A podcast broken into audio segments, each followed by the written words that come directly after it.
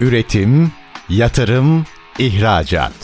Üreten Türkiye'nin radyosu Endüstri Radyo sizin bulunduğunuz her yerde. Endüstri Radyo'yu arabada, bilgisayarda ve cep telefonunuzdan her yerde dinleyebilirsiniz. Endüstri Radyo.com Çetin Ünsal'ın hazırlayıp sunduğu İşte Bunu Konuşalım programı başlıyor. İşte bunu konuşalımdan merhabalar. Türkiye'nin gerçek gündeminde birlikteyiz. Efendim 1 Ekim Dünya Kahve Günü. İşte bu kapsamda biz aslında çok keyifli bir konuyu konuşacağız ama tabii sektörel bazda da konuşacağız. İşin sosyolojik, toplumsal, aklınıza gelebilecek her boyutuyla aslında kahveyi konuşacağız. Dünyada bunun belli başlı pazarları var. Mesela işte Amerika Birleşik Devletleri müthiş kahve tüketimi olan bir ülke. E, Türkiye'de son dönemde özellikle genç gruplar açısından baktığınızda hızla yaygınlaşan işin perakende boyutuyla da büyüyen devasa hale gelen bir sektör. Ama bunun bir günün sonunda tüketim ürününden çok bir kültür ürünü yani bir kültür paylaşımı bir eskilerin tabiriyle hasbihal aracı olarak görüldüğü çok açık. Biz konuşacağız. Sektör nereye gidiyor? Dünyada nereye gidiyor? Türkiye'de nereye gidiyor? Kıymetli bir konuğumuz var. Çibo Türkiye Genel Müdürü Hasan Ulutürk. Bugün işte bunu konuşalım konu. Sayın Ulutürk hoş geldiniz. Hoş bulduk Çetin Bey merhabalar. Üstadım kahve hepimizin hayatında bir şekilde var. Farklı ürünlerde, farklı tatlarda, farklı markalarda ama sanıyorum herkesin yolu bir şekilde bu kahveden geçiyor. Peki bu kadar geniş kitlelere hitap eden bir sektör 1 Ekim Dünya Kahve Günü'nde ne anlattı? Buradan başlayalım. Öncelikle Dünya Kahve Günü'nüzü kutlarız. Var olunuz.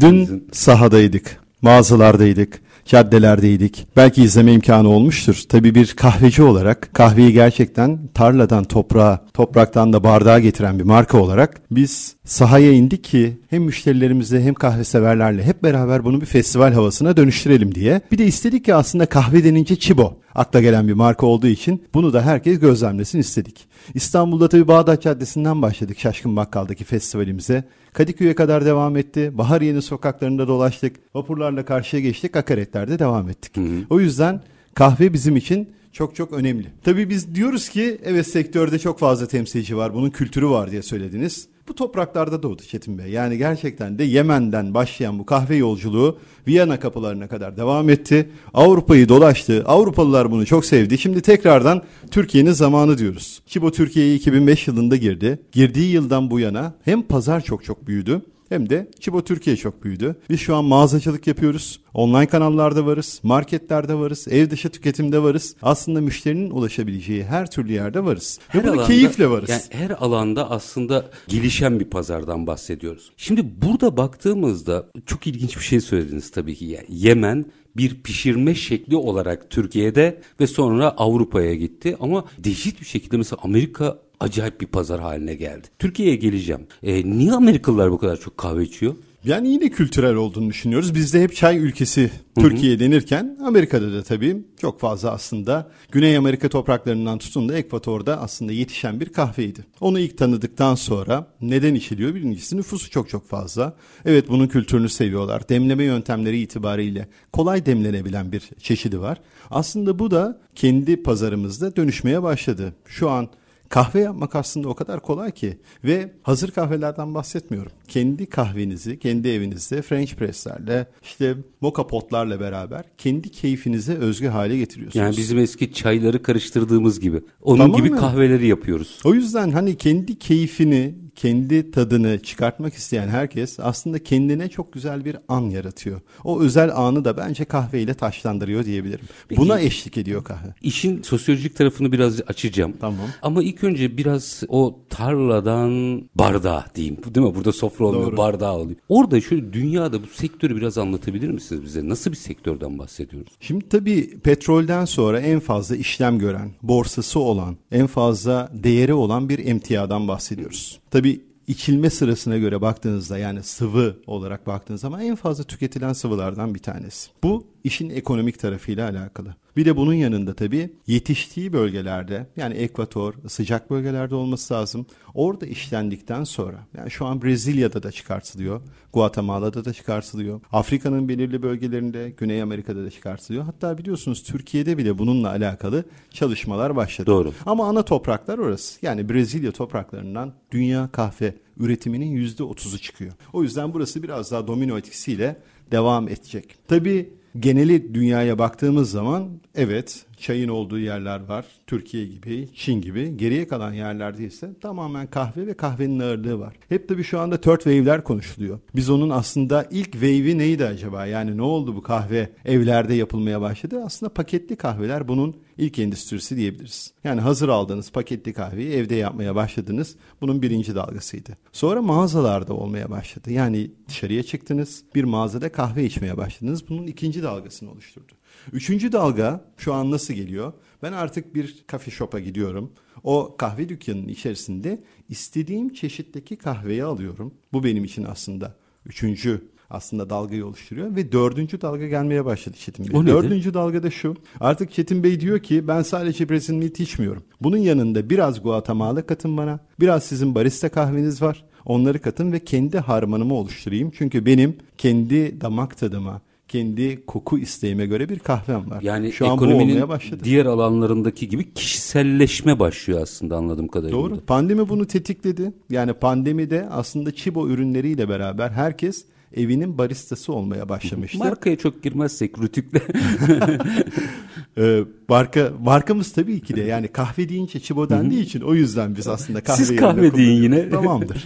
Pandemiyle beraber aslında tetiklendi. Herkes barista oldu. Hem demleme yöntemleri hem bu demleme yöntemlerinin yanında kendi kahvesini de yapmaya başladı. Bu da aslında dördüncü dalgayı tetikler oldu. Aslında gelişimi biraz daha böyle diyebilirim. Herkes kendi ölçüsünde barista oldu güzel. Ya da olmaya çalışıyor, hevesleniyor diyelim ama mesela baristalık da başlı başına bir meslek grubu olmaya başladı. Artık işte yarışmaları, şovları vesaire orası da bambaşka bir alan olarak geliyor. Hani derler ya yeni ekonomi ne çıkaracak, yeni meslekler çıkaracak.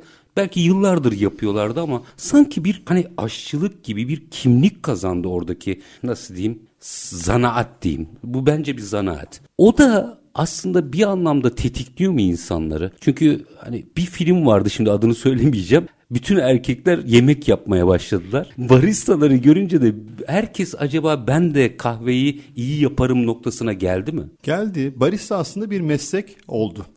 Çok da sevilen bir meslek oldu. Çok da talep gören bir meslek oldu. Biz şu an bunun üstüne çalışmalar yapıyoruz. Yani sektörde gerçekten de kahveyi daha iyi yapabilmek için, bunun sanatını yapabilmek için, latte artları oluşturabilmek için özel akademiler oluşuyor. Eğitimler veriliyor, yarışmalar yapılıyor ve bunlar dünya çapında yapılıyor. Türkiye'de burada öncü ülkelerden bir tanesi. Bu sertifikasyondan geçenler, kahvenin demleme tekniklerinden tutun kavurma tekniklerine kadar, çekilme tekniklerinden tutun hazırlama tekniklerine kadar aslında hepsini yapan, gerçekten de sizin dediğiniz gibi bir zanaat ve bir gerçekten yeni bir meslek dalı olarak oluştu diyebilirim. Kendim baristayım bu arada. Yani ben de mağazalarda barista olarak çalışmaya başlayıp bunun cazibesine kapılıp o sırada hem kendi mağazalarımızın içerisinde o kahvenin kokusuyla, tadıyla ve müşterinin onu ilk tattığı andaki keyfiyle aslında cezbeden bir dal oldu.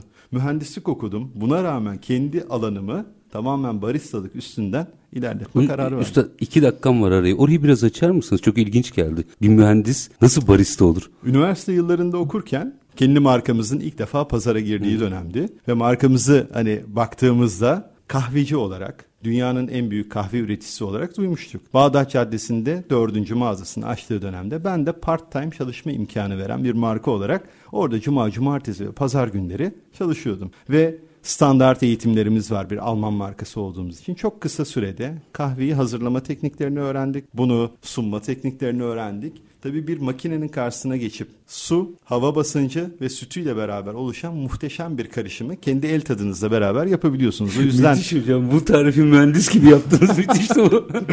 o yüzden bu müşterinin suratında oluşturduğu mutluluk gerçekten tarif edilemez. Bu ne parayla tarif edilebilir ne başka bir şeyle tarif edilebilir. Bence kahveyi keyifle eşleştiren noktası da bu. Ve barista sadece kahveyi yapmaz aslında bunun hikayesiyle beraber anlatır. Moduna göre sunar. Kişisine göre gerçekten oranını ayarlar. O yüzden de bence hissediyorum yani sonuna kadar barista olmak, barista olarak servis etmek çok çok da iyi bir meslektir. Biz de bunu kurum olarak çok ciddi şekilde destekliyoruz. Müthiş tabii bir mühendisin barista hatta part time baristalıktan bugün bir markanın Türkiye Genel Müdürüne olmuş hali de bence enteresan bir kariyer yolculuğu bu.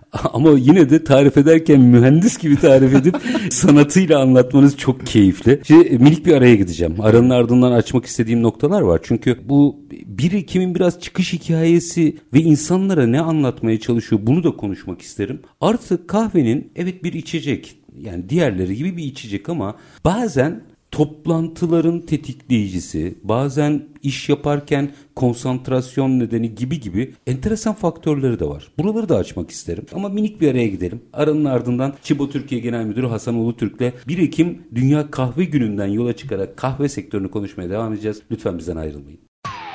Üretim, yatırım, ihracat. Üreten Türkiye'nin radyosu Endüstri Radyo sizin bulunduğunuz her yerde. Endüstri Radyo'yu arabada, bilgisayarda ve cep telefonunuzdan her yerde dinleyebilirsiniz. Endüstri Radyo.com Kısa bir aranın ardından işte bunu konuşalım demeye devam ediyoruz. Kahve sektörünü mercek altına alıyoruz. Çibo Türkiye Genel Müdürü Hasan Ulutürk bizlerle birlikte. Şimdi Sayın Ulutürk araya gitmeden önce aslında fotoğrafı çok güzel ortaya koydunuz. Hatta bence sizin hikayeniz birçok baristaya da ilham olacak bir hikaye. Tabii bu severek yapılmış bir şey. Siz orada rastgele değil de sevdiğiniz için muhtemelen orada o part time'a girdiniz ve o başka bir yere sürüklemiş size. Şimdi buradan yola çıkıp sektöre tekrar döneceğim. Çünkü o konuyla ilgili Türkiye Türkiye'nin potansiyeliyle ilgili enteresan açıklamalarınız da var. Oraları da açmak istiyorum ama ilk önce işin biraz sosyolojik boyutuna geçmek istiyorum. Çünkü kahve sadece bir içecek değil. Bu zaman zaman Anadolu'ya gittiğinizde çay için de söylenebilir ama hı hı. kahve aynı zamanda bir toplantı aracı, bir konsantrasyon aracı olarak da konuşulan başlıklardan biri. Yayın öncesinde size bu örneği anlattım. Dinleyicilerimizle de paylaşayım. Çok devasa bir üretici. ismini söyleyemeyeceğim tabii ki burada. Ama hepimizin yakından bildiği bir üretici. Proje üretmeye çalışıyorlar ve projeler bir türlü toplantılarda çıkmıyor. Sonra birdenbire projeler çıkmaya başlıyor ve nedenini bulamıyorlar. Diyorlar ki burada bir gariplik var. Yani toplantılarda konuşuyoruz bu projelerin hiçbiri çıkmıyor. Sonra millet proje getiriyor. Tabii o zaman herhalde GDPR ve KVKK yok. İncelemeye alıyorlar kameradan. Ne oluyor şirkette? genel merkezde herkesin kahve makinelerinin başında sohbet ederken projeleri üretmeye başladığını fark ediyorlar ve şirketin her yerine kahve makinesi düşüyorlar. Bu çok enteresan değil mi? Buradan yola çıkarsak aslında kahve bir şeyleri de tetikleyen bir araç, keyif kadar araç haline de dönüşmüyor mu? Deneyim aracı. Yani net olarak onu söyleyebilirim. Tamamlayıcı bir araç. Neden öyle? Çünkü sabahleyin kalktınız. İlk kalktığınızda spor yapacaksınız. Spordan önce kahve içmeniz gerekiyor. Bunu destekliyor. Sporunuzu yaptığınız kahvaltının yanında deneyim aracı, eşlikçi bunu sağlıyor mu? Sağlıyor. Sınavınız var. Sınavınızdan önce gerçekten de dirilmem lazım. İçindeki kafeinin enerji verici özelliği var.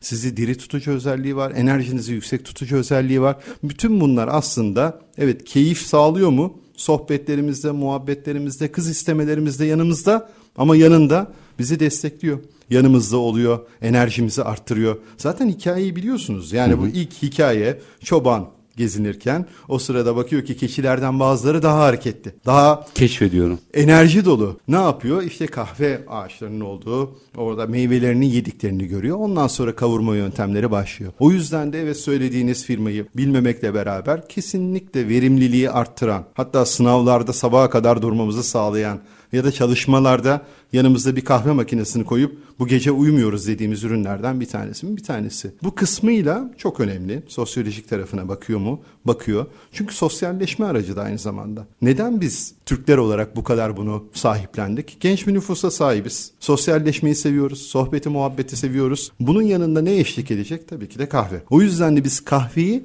çok hızlı bir şekilde aslında bir noktadan aldık ve yükselttik. Yani her sene üç haneli olarak büyüyor Çetin Bey. Türkiye'de Pazar, öyle mi? Türkiye'de. Bu müthiş büyüyor. Bu müthiş. Hacim kaybetmiyor. Yeni ürünler katıyor. Yani sadece paketli kahvelerde çözülebilir kahveyi belki de bizim ebeveynlerimiz biliyorken biz şu anda filtre kahveden bahsediyoruz. Çekirdek kahveden bahsediyoruz. Kapsüllü kahveden bahsediyoruz ve bunların alt segmentlerinde birçok çeşidini de kendimiz yaptırtıyoruz. Yani hepsi aslında yeni bir ürün tipi. Arabikası var, robustası var. Bunları karıştırarak elde ettiğiniz farklı farklı ürünler var. Yani o yüzden sosyalleşme aracı diye şu an bir arama motoruna yazsanız ya da bir anket yapsanız en fazla çıkan ürünlerden bir tanesi kahve olacak. Yine pandemi döneminde en fazla aranan, istenen, talep edilen ürünlerden bir tanesi kahveydi.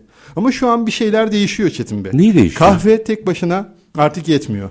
Kahvenin yanındaki ekipmanlar da artmaya başlıyor. Aslında bizim mağazacılık tekniğimiz biraz daha deneyim mağazacılığı dedik ya. Hmm. Kahveyi evet birçok markadan alabilirsiniz ama yanında kahve ekipmanları, kahve makineleri. Az önce dediniz ya ofise kahve makineleri koydular. Geçen seneden bu seneye kahve makinelerinin Hacimsel artışı %423. Filtre kahve makinesi %200. Pardon bunlar pandemiden sonraki rakamlar Pandemiden mı? sonra geçen seneden bu sene 2022-2023 ortalamasını söylüyorum. Şu anda evet eskiden bir Türk kahvesi ve Türk kahvesi makinesi evlerde duruyorken şu an kapsüllü kahve makineleri de var. Cafissimo. Bunun yanında Otomatik kahve makineleri de var. Yani direkt çekirdekten taze olarak sizin kahvenizi yapmanızı sağlayan. Filtre kahve makineleri var. French press'ler var. Moka potlar var. Bunların hepsi aslında bu deneyimi bir yerde bırakmıyor, sürekli geliştiriyor. Yani ev aletleri sektöründe tetikliyor. Ev veya küçük ev, küçük aletler diyelim. Orayı da tetikliyor o zaman Biz bu buna sektör. evet kahvenin yardımcı ekipmanları diyoruz. Yani artık gerçekten de bir kahve ölçü kaşığı da ararken kafe shoplara gidiyorsunuz. Yanındaki bardağınızı alırken de bir kahve dükkanına gidiyorsunuz. Filtre kahve kağıdını ararken de artık oraya gidiyorsunuz. O yüzden kahve tek başına kahve değil. Bunun yanındaki bütün aslında çevrelemesini, sosyolojisini ve ortamını etkiliyor ve bunları da beraber geliştiriyor. O yüzden aslında bence genç nüfusumuzla ve şu an ilgimizle, sosyalliğimizle, enerjimizle o kadar eşleşiyoruz ki. O yüzden Türkiye bir kahve ülkesi olma yolunda ilerliyor ve daha da büyüyor diyebilirim. Bazen belki bu söylediğim çok egzajere edilmiş bir şey olacak ama en azından bana öyle geliyor. Siz öyle düşünmüyorsanız ne olur düzeltin beni. Anadolu'nun bir kahvehane, kıraathane kültürü vardı. Hatırlarsınız hepimiz biliyoruz. Hala da var bu arada. Biraz sanki genç kuşağın kıraathaneleri veya kahvehaneleri, kıraathane sözcüğünü özellikle kullanıyorum. Çünkü gidildiğinde birçoğu orada artık kitap görmek istiyor, orada internete girmek istiyor. Evet dün başkaydı aktivite ama bugünkü kuşakta başka bir aktivite var. Belki onlar okey oynuyordu. Bugünküler işte internete girmek istiyor, kitap okumak istiyor, mecmua görmek istiyor başka bir hale dönüştü sanki mesele. Özellikle perakende zincirler açısından. Ne dersiniz buna? Evlerden daha keyifli ortamlar sunmaya başladık. Yani biz kahve zincirleri olarak. Aynen dediğiniz gibi şu anda evet belki kitabını da okuyor ders de çalışıyor, özel ders de alıyor, laptopunu da açıyor, online eğitimlerine de giriyor. Üniversitede okuyan çok fazla öğrenciler var. Yani bizim mağazalarımızın üst katlarında veya da giriş katlarında oturup derse giren üniversite öğrencisi ya da dediğiniz gibi özel ders almaya devam edenler de var mı? Kesinlikle var. O yüzden bu kültürü tamamen kahve mağazalarının içerisinde aslında genişletmeye başladık. Bu bence çok ciddi bir dönüşüm. Çünkü içeride iklimlendirmesinden tutun da oturduğu koltuğa kadar. Hatta bazı müşterilerimiz kesinlikle yer seçip ben hep orada oturmak istiyorum. Gerçekten yani kendisini bu kadar yani. eşleştirmek istiyorlar. Oranın bir parçası olarak hissediyorlar. Bizim de marka mottomuzun içerisinde şu var. Aile gibi hissedeceğiniz, keyifli vakitler geçireceğiniz, aslında müşteri değil tamamen ailenin bir parçası olacağınız o ortamı bence bu perakende sektörünün içerisinde kahve ve kahve zincirleri sağlıyor. Yani aslında bu bir deneyim ekonomisinin yansıması mı? İlk tamam çıktılarından biri mi daha doğru söylediğim? Tamamen deneyim ekonomisinin yansıması diyebiliriz. Hatta çıktısı mı çıktığı büyüten en önemli etkenlerden bir tanesi. Çünkü göze hitap ediyor, kulağa hitap ediyor, buruna hitap ediyor. Bütün duyulara hitap edebilen içeride bir argümanınız ve ürününüz var. Bu ürünün de biz tabii yaptığımız biraz daha farklı bir kahvecilik ve mağazacılık. İçeride 15 tane farklı kategorimiz var Çetin Bey. Yani içeriye girdiğiniz zaman şu an kahvenin yardımcı ekipmanlarını da bulabiliyorsunuz. Spor malzemeleri de buluyorsunuz. Biz eşleştiriyoruz. Diyoruz ki spordan önce ve sonra kahve içilebilir. Yanında mutfak malzemeleri görüyorsunuz. Mutfak malzemelerinde kahve saklama kaplarından tutun da bardaklara kadar her şey var mı? Var. Bunun yanında 15 tane farklı çeşitin içerisinde inovatif, insanların hayatına keyif katan yenilikler diye de bir mottomuz var. O yüzden kahve zaten keyif katıyordu. Bunun yanında o inovatif, farklı, heyecan yaratan, bu da çok önemli. Yani insanların hayatında bazı şeylerin farklı olduğunu, o heyecanı yaratabilmek, onları da sağlayan bir konseptten dolayı galiba cazibemiz, çekiciliğimiz çok çok daha yani, fazla. Sektör evet günün sonunda baktığınızda ürün kahve. Ama sanki biraz kahve bahaneye dönmüş. Yani hızla bir yaşam alanı başka bir deneyim haline dönüşüyor sanki hikaye. Elbette tamam özünde odağında kahve olabilir ama sektördeki birçok mağazayı perakende şeyini yerli yabancı hepsine baktığımda sadece kahve vererek yürünemediğinin çok net göstergesi sonuçlar var. Bu alanda rekabet nasıl? Rekabet aslında müşteriye verdiğiniz hizmetle alakalı. Rekabet çetin. Her geçen gün hem uluslararası markalar hem de lokal markalar büyümeye devam ediyor. Neden? 80 milyon, 85 milyonluk bir nüfusumuz var. Genç bir nüfusumuz var. Az önce söylediğim gibi her sene %100'ün üstünde pazarı büyütüyoruz. O yüzden de herkesin gözü evet bu Burada. pazarda mı? Bu pazarda. Tabii farklılaştırmaya çalıştığımız kendi markamızda olduğu gibi biz sadece kahveci değiliz. Evet en büyük kahve üreticilerinden bir tanesiyiz. Ama bunun yanında 15 tane kategorinin de kategori liderliğini yapmaya çalışıyoruz. Ya da satış kanallarımızın çeşitliliği. Yani mağazalarda bizi görebiliyor müşterilerimiz. Online'a girdiği zaman görebiliyor. Marketlerin hepsinde yani modern kanal ve geleneksel kanal dediğimiz hepsinde görebiliyorlar. Ya da yol üstünde şu an İstanbul'dan çıkarım İzmir'e gidelim. Herhangi bir petrol istasyonunda durduğunuz zaman yine kahvemize ulaşma imkanını sağlamaya çalışıyoruz. Yani bu aslında yaygınlıkla mı hamle yapılıyor? Yaygınlık, görülebilirlik bunlar çok önemli ama bunun yanında müşteri servis. Yani müşteri girdiği zaman az önce söylediğim o ortamı sizin sunduğunuz deneyimde yakalayabiliyorsa evet rekabette gerçekten de bir adım öne geçiyorsunuz. Bizim zaten bütün Amacımız, odak noktamız bu. Ve en önemli KPI'lerimizden, parametrelerimizden veyahut da başarı performans kriterlerimizden bir tanesi içeriye girenleri kendi markamızın gülümsemesiyle karşılayabiliyor muyuz? Üstad bunun denge noktası ne? Yani çünkü bu bir yerde optimum noktaya gelecek. Yani evet yüzde yüz büyüyor diyorsunuz. Mesela Almanya'da da bu kadar hızlı büyüyor mu? Hayır büyümüyor. Tabii büyümüyor yani evet. onun denge noktası ne merak ediyorum. Yani pazarda şöyle bahsedebilirim. Biz Türkler olarak günde 2-3 bardak kahve içiyoruz. Yılda da 1.2 ile 1.3 kilo kahve içiyoruz. Kişi başı tüketim Kişi başı. Bunlar yıllık veriler. Şimdi bütün kahveler için mi Bütün kahveler hmm. için söylüyorum. Kuzeye gittiğinizde Finlandiya, Norveç gibi günlük kahve tüketimi yaklaşık 7-8 bardak. Yıllık kahve tüketimi yaklaşık 9-10 kilo. O 7-8 kilo farkı mı yani var? Yani yaklaşık bizim potansiyel olarak 10 kat daha ve hani ülkenin büyüklükleri tabi bunlar kişi başı göstergeler olmasına rağmen 10 kat daha büyüme potansiyeli var. Bir de dediğim gibi burada kahvenin aslında türevleri de değişiyor. Evet çok daha uygun maliyetli, uygun fiyatlı, farklı kalitelerde ulaşabilirken şu an müşterinin damak tadında kalite algısı da çok önemli bir noktaya geldi. Yani paketli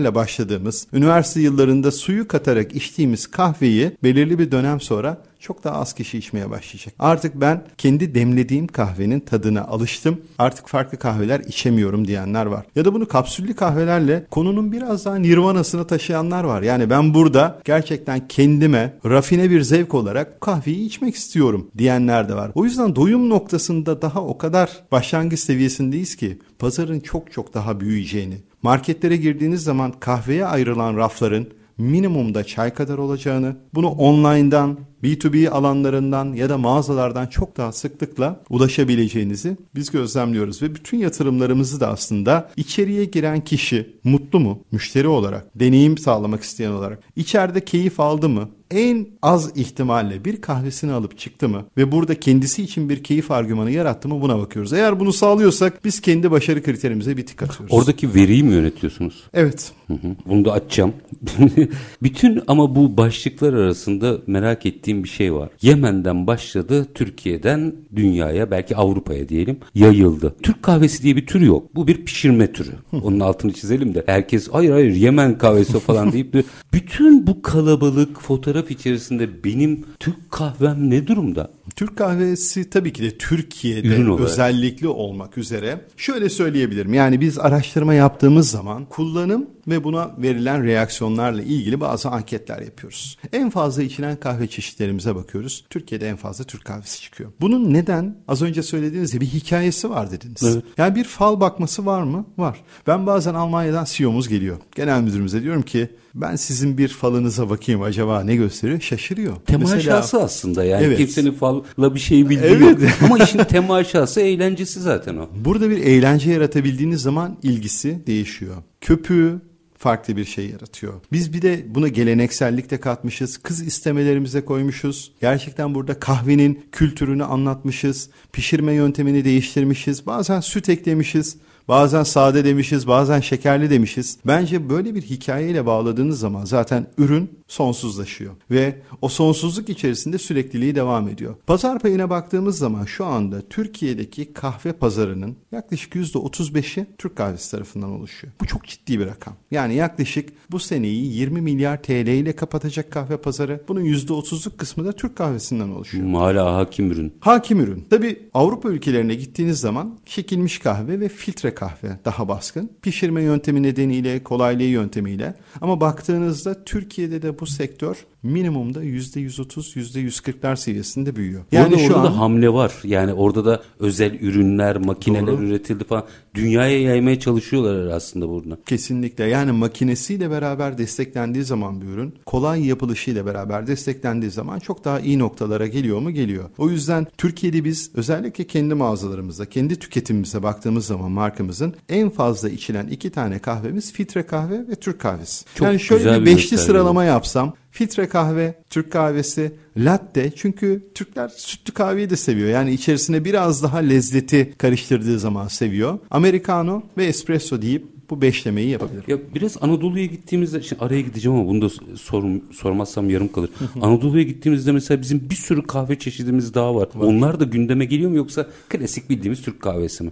Onlar da Hepsi şey, potaya yani, girebiliyorlar mı yani? Girebiliyorlar. Yani oranlar düşük olsa da vazgeçilmezler arasına giriyor. Yani dediğiniz gibi birebir oranın Türk kahvesi aslında oranın kendi yöresel adıyla söylenebiliyor. Biz bundan vazgeçmeyiz diyenler çok fazla var. Yakın zamanda Mersin'deydim. Mersin'de bir lokasyon Hı-hı. bakıyorduk. Orada bana dediler ki bizim bir kahvemiz var. İnanılmaz. Yani orada içtik. Yöresel kendileri hazırlamışlar. Dediğiniz gibi kavurma yöntemleri değişmiş. Çekilme yöntemleri değişmiş. Damak tadı buna alışmış alışmış. O kadar önemli ki Çetin Bey. Damak tadı alıştıktan sonra nesilden nesile aktarılarak gidiyor. O yüzden burada bence Türklerde hani başlangıç seviyesinde izledik ya kaliteli kahvenin damak tadı oluşmaya başladı. Biz bunu görüyoruz. Artık müşteri basit seviyede veyahut da ilk giriş seviyesindeki bir kahvenin tadıyla yetinmiyor. Daha kaliteli, daha gerçekten sürdürülebilirliğe önem veren, marka değeri olan, bunu da kalitesiyle beraber destekleyen, bize sertifikalarımızı soranlar var. Hmm. Yani tamam diyor kahveyi yapıyorsunuz, dünyanın en büyük kahve üreticisiniz ama Sürdürülebilirlik adına neler yapıyorsunuz? Çünkü o topraklarda kimyasal madde kullanıyor musunuz? Su kullanıyor musunuz? Bunun gibi çok kapsamlı ama biz müşterilerimizin sorularından şunu anlıyoruz. Paketin içerisine konan kahve, süt tozu, şeker artık yeterli olmayacak. Müşteri tamamen kaliteli kahvenin peşinde koşmaya başlayacak. Burada bir araya gidelim. Çünkü o kadar iyi enteresan bir yere açılım yaptınız ki işin içine iklim krizi, oradaki duyarlılık, üretim alanları, müşterinin farklılaşması gibi argümanlar giriyor. Biraz burayı da açmanızı rica edeceğim. Ama minik bir araya gidelim. Aranın ardından Çibo Türkiye Genel Müdürü Hasan Ulutürk'le kahve konuşmaya devam edeceğiz. Lütfen bizden ayrılmayın. Üretim, yatırım, ihracat.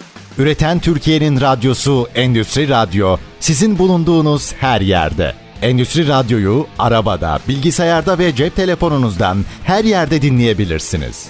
Endüstri Radyo.com Kısa bir aranın ardından işte bunu konuşalım demeye devam ediyoruz. Çok keyifli bir başlığımız var. Kahve konuşuyoruz. Kahve sektörünü konuşuyoruz. Çibo Türkiye Genel Müdürü Hasan Ulutürk bugün konuğumuz. Şimdi birkaç nokta bir kere sürdürülebilirlik. Bence onu ayrıca açalım ama ona gelmeden önce şunu sormak istiyorum. Türk kahvesi dedik ya orayı bir tamamlamak isterim ben. Günün sonunda Türkiye pazarında hani şimdi markanın Türkiye genel müdürüne bunu sormak haksızlık belki ama diğer mutlaka iletişimdesiniz. Diğer zincirlerde de en azından mesela kahve üreticilerin, Türk kahve üreticilerinin öyle bir talebi vardı. Ya bu da var diye söyleyin. Bu söyleniyor mu? Dünyanın başka noktalarından bahsediyorum. Bizim markamızda bu da var Çetin Bey. Yani Söyleniyor biz değil mi? Söyleniyoruz. Yani Hatta, şu, şu, şu, şu alternatifleriniz var. Türk kahvesi de. Türkiye'de değil ama Türkiye'nin dışında. Tabii tabii. Yani şu anda biz aslında Türk kahvesi de var kendi markamızın diyoruz. Ondan sonra diğerleri de var diyoruz. Ha, kendi markamızda bunu başlatıyoruz. Zaten bir Alman kahve devi eğer Türkiye gibi bir pazarda çünkü pazarın büyüklüğü henüz yeteri doygunluğa oluşmadı. Az önce söylediğim gibi 10 kat daha büyüme yolu var. Eğer Türk kahvesi yatırımı yapmaya karar veriyorsa bununla alakalı gerçekten oradaki toplum ne istiyor, nasıl kahve seviyor, köpüğünden telvesine kadar, paketinden gerçekten de geleneğine kadar bununla ilgili çalışma yapıyorsa aslında bu da varın cevabı biz Almanya'yı ikna ettik, söyledik. Bunun yanında tabii nerede var? Almanya'daki pazarlarda Chibo'nun Türk kahvesi de satılmaya devam ediyor mu? Ediyor. Çünkü 5,5-6 milyona yakın oradaki Türk, var. Türk popülasyonu Türk'ün var. olmadığı yerde Suriye'de de onu var merak ediyorum. Var. Diğer ülkelerde de yavaş yavaş başlıyor. Ama az önce söylediğim gibi kahve aslında kaliteli olsa bile yani kendi çekirdeği itibariyle, çıktığı toprak itibariyle bizim kalite sonuçlarımıza göre damak tadı diye bir Tabii, şey var. Onu göz Bu damak demezsiniz. tadını gerçekten de farklılaştıracak argümanlarınızın olması lazım. Biz çünkü kahveyi benimseyen bir markayız. Biz o yüzden de evet içerisine süt de kattığımızda, şeker de kattığımızda, yanında yiyecek bir şey de sunduğumuzda bütün bunların hepsi Türk damak tadına uygunluğu ve benimsenmesiyle beraber bakıyoruz. Ama Türk kahvesinin bence dünya genelinde bir marka haline dönüştüğünü, Amerika'da, Almanya'da, farklı ülkelerde Türk kahvesiyle ilgili ilginin arttığını gözlemliyor muyuz? Gözlemliyoruz. Hocam 500 yıllık hikayesi olan başka bir kahve türü var mı? Yok. O yüzden de bu hikayenin çok daha fazla duyulması lazım. Lokal üreticilerin çok daha fazla sektöre etki edecek hikayeler yaratması lazım. Biz gerçekten de bu gelişimi bir rekabet olarak değil fırsat olarak görüyoruz. Bu fırsatı hep beraber bütün markalarla, lokal ve uluslararası markalarla desteklersek Türk kahvesi çok çok daha duyulacak. Biz çünkü bütün ziyaretçilerimize ama Çekya'dan gelsin ama Macaristan'dan ama Almanya'dan ama İsviçre'den Türk kahvesi içirmeden Türkiye'den yollamıyoruz. Harikasınız. Yani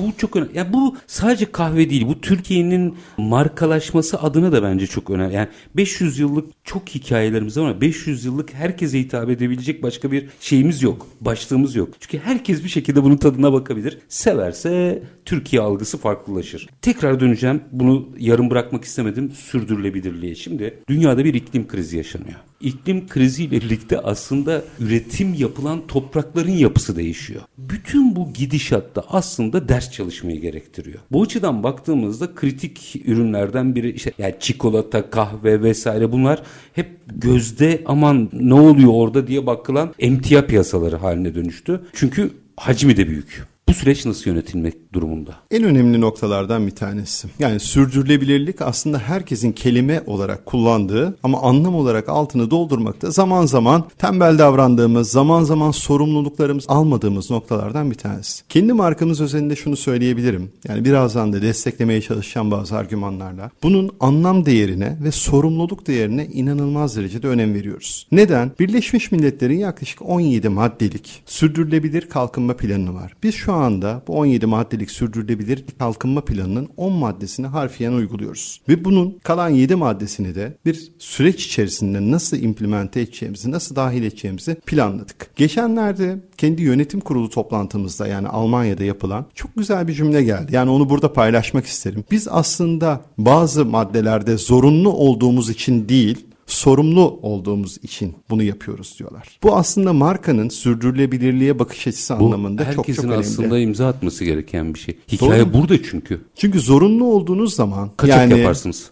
Evet yapmak Türkçesi zorundasınızdır, yaparsınız ama sorumlu olarak hissedip bunu yapmaya devam ettiğiniz zaman bu bu işe verdiğiniz önemin veyahut da anlamın altını dolduran nokta. Biz tabii hem kahve üreticisiyiz, hem kahve satıcısıyız, hem de bunun yanında bunu tamamlayıcı 15 kategoride gıda dışı ürünlerimiz var. Yani 3-4 tane farklı sorumluluk alanlarımız var. Gıda tarafından başlayayım. İlk önce tarla. Yani tarladaki eğitimden az önce farklılaştıran noktalar nedir dediniz ya Hı. mağazada müşteri memnuniyeti, oradaki eğitim. Bunun tarlada da eğitiminin yapılması lazım. Yani Çibo Joint Forces diye bir program başlattık biz. Orada tarladaki çiftçiye nasıl kahve ekimi yapılır, hasadı yapılır, ilaçlaması yapılır, bakımı yapılır. Bütün bunların birebir de eğitimini Ne kadar fark ediyor eğitim öncesi ve sonrası? Yani bilinç düzeyini merak ettim de o yüzden. Yani şöyle sürdürülebilirlik anlamındaki etkisi minimumda yüzde 30-40.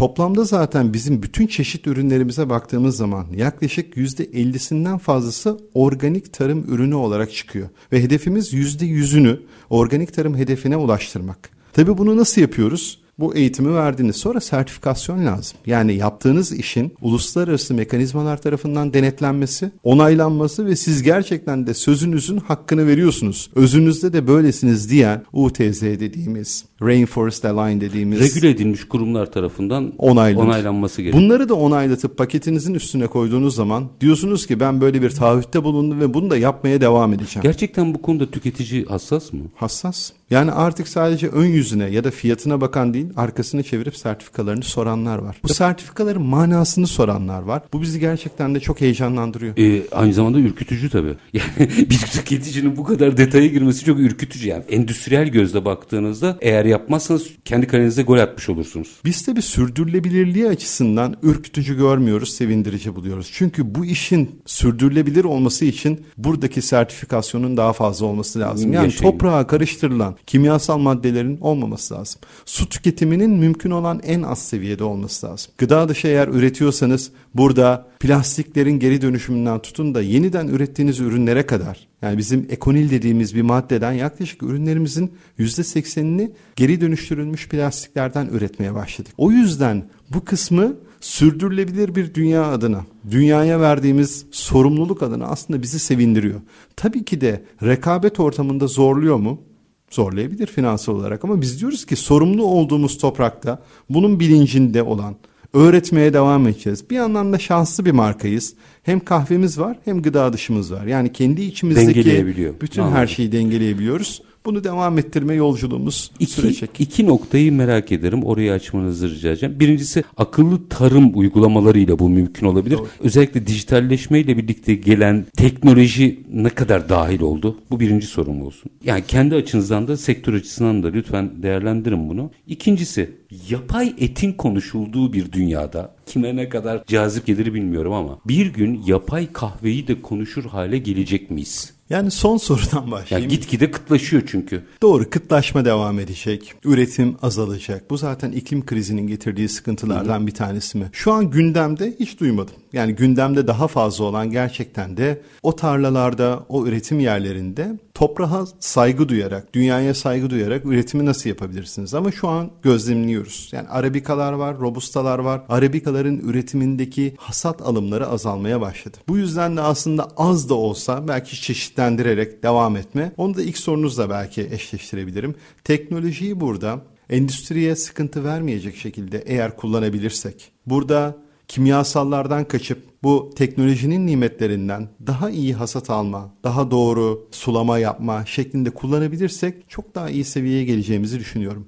Bu tabii ama sadece tek bir markanın, tek bir ülkenin yapacağı bir değil. Burada Bütün sektör için sordum zaten bunu. Sektörde de müşterilerden tutun da yani az önce dedim ya paketin arkasını çevirecek. Yani oğlum 10 yaşında. Allah bak. Şu anda çok sağ olun teşekkürler. Kahve sevdası başladı. Yani tabii ki de bizim evde kahve sevdası zaten ayrı bir noktada işimizin de gereği. Ama artık bana bunları sorarken neden bunu içiyoruz? Bunun tadı daha farklı. Buradaki sertifika ne anlama geliyor demeye başladı. O yüzden aslında yeni nesil geldiği noktada bize bir mesaj veriyor. Bunlar desteklenmeye devam ederse bence ilerleyen noktalarda çok daha iyi bir sürece geçeceğiz. Kolay olacak mı? Olmayacak. Ama bu zorluğu hep beraber yapabilirsek bence önümüzdeki iklim krizi, sürdürülebilirlik gibi sıkıntıları hep beraber atlatabiliriz. Müşteri öğretir. Yeni gelen müşteri kuşak yani. Bence bu konuda çok net.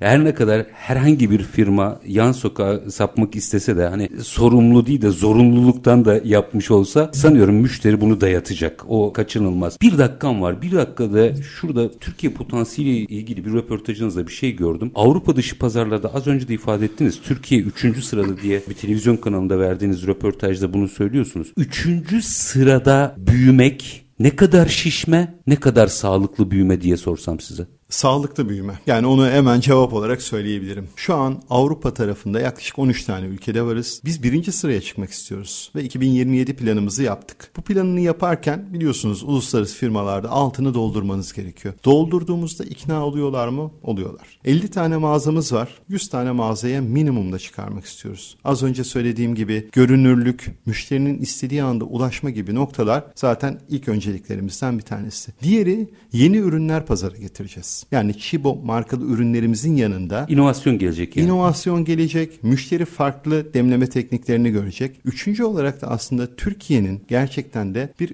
üretim, paketleme buradan başlayıp Orta Doğu ülkelerine doğru bir transit ticaretin de merkezi olmasını istiyoruz. Yani MENA bölgesinin merkezi olacak burası. Amacımız bu, çalışmalarımız bu yönde. Aslında bu yeni inovatif ürünlerle beraber bunu başarabildiğimiz durumda merkez konumuna geleceğini düşünüyoruz. Siz bunu yaptığınıza göre bütün markalarda bir şekilde bu rekabete girmek isteyecek. O zaman Türkiye pozisyon olarak enteresan bir yere geliyor kahve sektörü açısından. Doğru. Sadece perakende değil, üreten, pazarlayan ve belki de bütün bölgeye lokasyon olarak baktığınızda üst haline gelen bir yapıya geliyoruz. Çok teşekkür ediyorum. 1 Ekim Dünya Kahve Gününüz kutlu olsun. Öyle diyeyim. Ama günün sonunda galiba bunun daha çok konuşulması gerekiyor. Bu 2014 yılında Uluslararası Kahve Örgütü ilan etti bu 1 Doğru. Ekim'i. Evet. Gerekçesi neydi? Bir cümle onu alayım mı? Gerekçesi aslında kahve severlerin, kahve sevdalılarının, kahveye keyif katanların bir gününün kutlanmasıydı. Yani biliyorsunuz 60'lı yıllarda Londra merkezli Uluslararası Kahve Örgütü'nün 2014 yılı itibariyle verdiği bir karardı. Farklı ülkelerde farklı tarihlerde kutlanırken bunun bütün insanlığın çünkü kahve aslında insanlığın da ortak bir mirası olarak dönüşüyor. O mirası aynı günde kutlama adına yapılan bir karardı. O karardan çok memnunuz. Biz bunu festival havasına getirmek istiyoruz. Türkiye'de de bunun öncülerinden bir tanesi olmaya devam edeceğiz. Ufak ufak zaten artık ufak ufak demeyeyim bayağı etkin biçimde festivaller vesaire başka bir ekonomi doğmaya başladı. Aslında bu e, bir üründen yola çıktı ama bir paylaşım ekonomisi, bir deneyim ekonomisi, bir festival ekonomisi gitgide alt başlık hatta işte hani oradaki ürün, üretim, ev aletleri, el aletleri hepsi büyümeye başladı. Enteresan bir şekilde takip etmeye devam ediyoruz. Çibo Türkiye Genel Müdürü Sayın Hasan Ulutürk çok teşekkür ederim. Çok keyifliydi. Kahve olduğu için konu keyifliydi. Sizinle beraber ekstra keyifliydi. olunuz Bizler de efendim, çok bir çok mukabele. teşekkür ederiz. Çok çok teşekkür ediyorum. Efendim biz bugün Dünya Kahve Günü yani bir gün sonrası ama 1 Ekim o vesileyle kahveye, kahve sektörüne bir bakalım istedik. Çünkü alt başlıklarına baktığınızda işin üretiminden tüketimine belki o zincir perakende mağazalarından aradaki barista yani bir meslek zanaatin oluşmasına kadar birçok alt başlığı var. Kimisi için keyif, kimisi için bir toplantı yani kahve bahane hikayesi ama günün sonunda bütün dünyada hayatımızda olan içecek türlerinden biri nereye gidiyor? Biz onu Çibo Türkiye Genel Müdürü Hasan Ulutürk'le işte bunu konuşalım diyerek sizlerle paylaştık. Her zamanki gibi bitirelim. İşinizi konuşun, işinizle konuşun. Sonra gelin işte bunu konuşalım. Hoşçakalın efendim.